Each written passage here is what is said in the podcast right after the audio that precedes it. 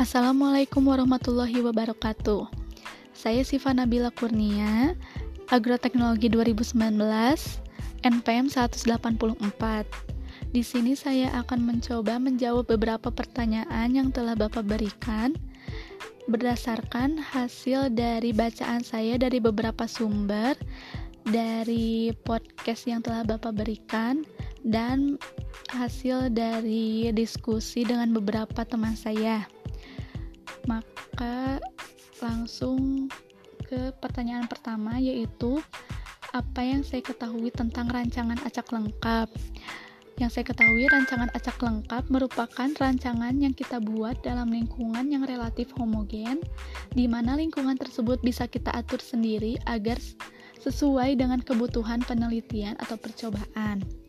Rancangan acak lingkungan ini biasanya dilakukan di laboratorium atau di rumah kaca. E, pertanyaan kedua yaitu bagaimana cara menentukan banyaknya ulangan dan perlakuan. E, pengulangan sendiri ini bersifat wajib atau harus dilakukan dalam setiap percobaan. Biasanya minimal pengulangan dilakukan yaitu sebanyak dua kali pengulangan terdapat rumus untuk menentukan pengulangan pada suatu percobaan yaitu T-1, R-1 lebih besar dari 15, di mana T adalah perlakuan dan R adalah replikasi. Pengulangan sendiri dan perlakuan memiliki keterkaitan di mana semakin banyaknya perlakuan yang dilakukan, maka semakin sedikit pula pengulangan yang bisa dilakukan. Pertanyaan selanjutnya, yaitu apa fungsi dari analisis varians atau ANOVA dan uji F.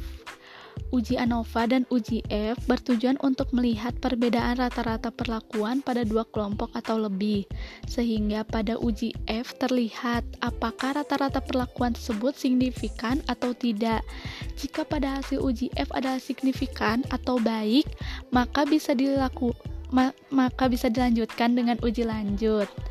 Uh, pertanyaan keempat yaitu berasal dari manakah data yang dianalisis untuk ANOVA dan uji F. Data yang digunakan adalah hasil dari perlakuan yang telah dilakukan yang diambil secara acak dan sampel harus berasal dari kelompok yang independen dan varian antara kelompok bersifat homogen. E, pertanyaan terakhir yaitu bagaimana cara menarik kesimpulan hasil uji F. Pada uji F dapat ditarik kesimpulan dengan membandingkan F hitung dengan F tabel.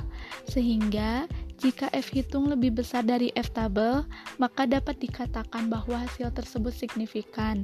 Dan sebaliknya, jika F hitung lebih kecil dari F tabel, maka dapat dikatakan maka dapat dikatakan hasil tersebut tidak signifikan.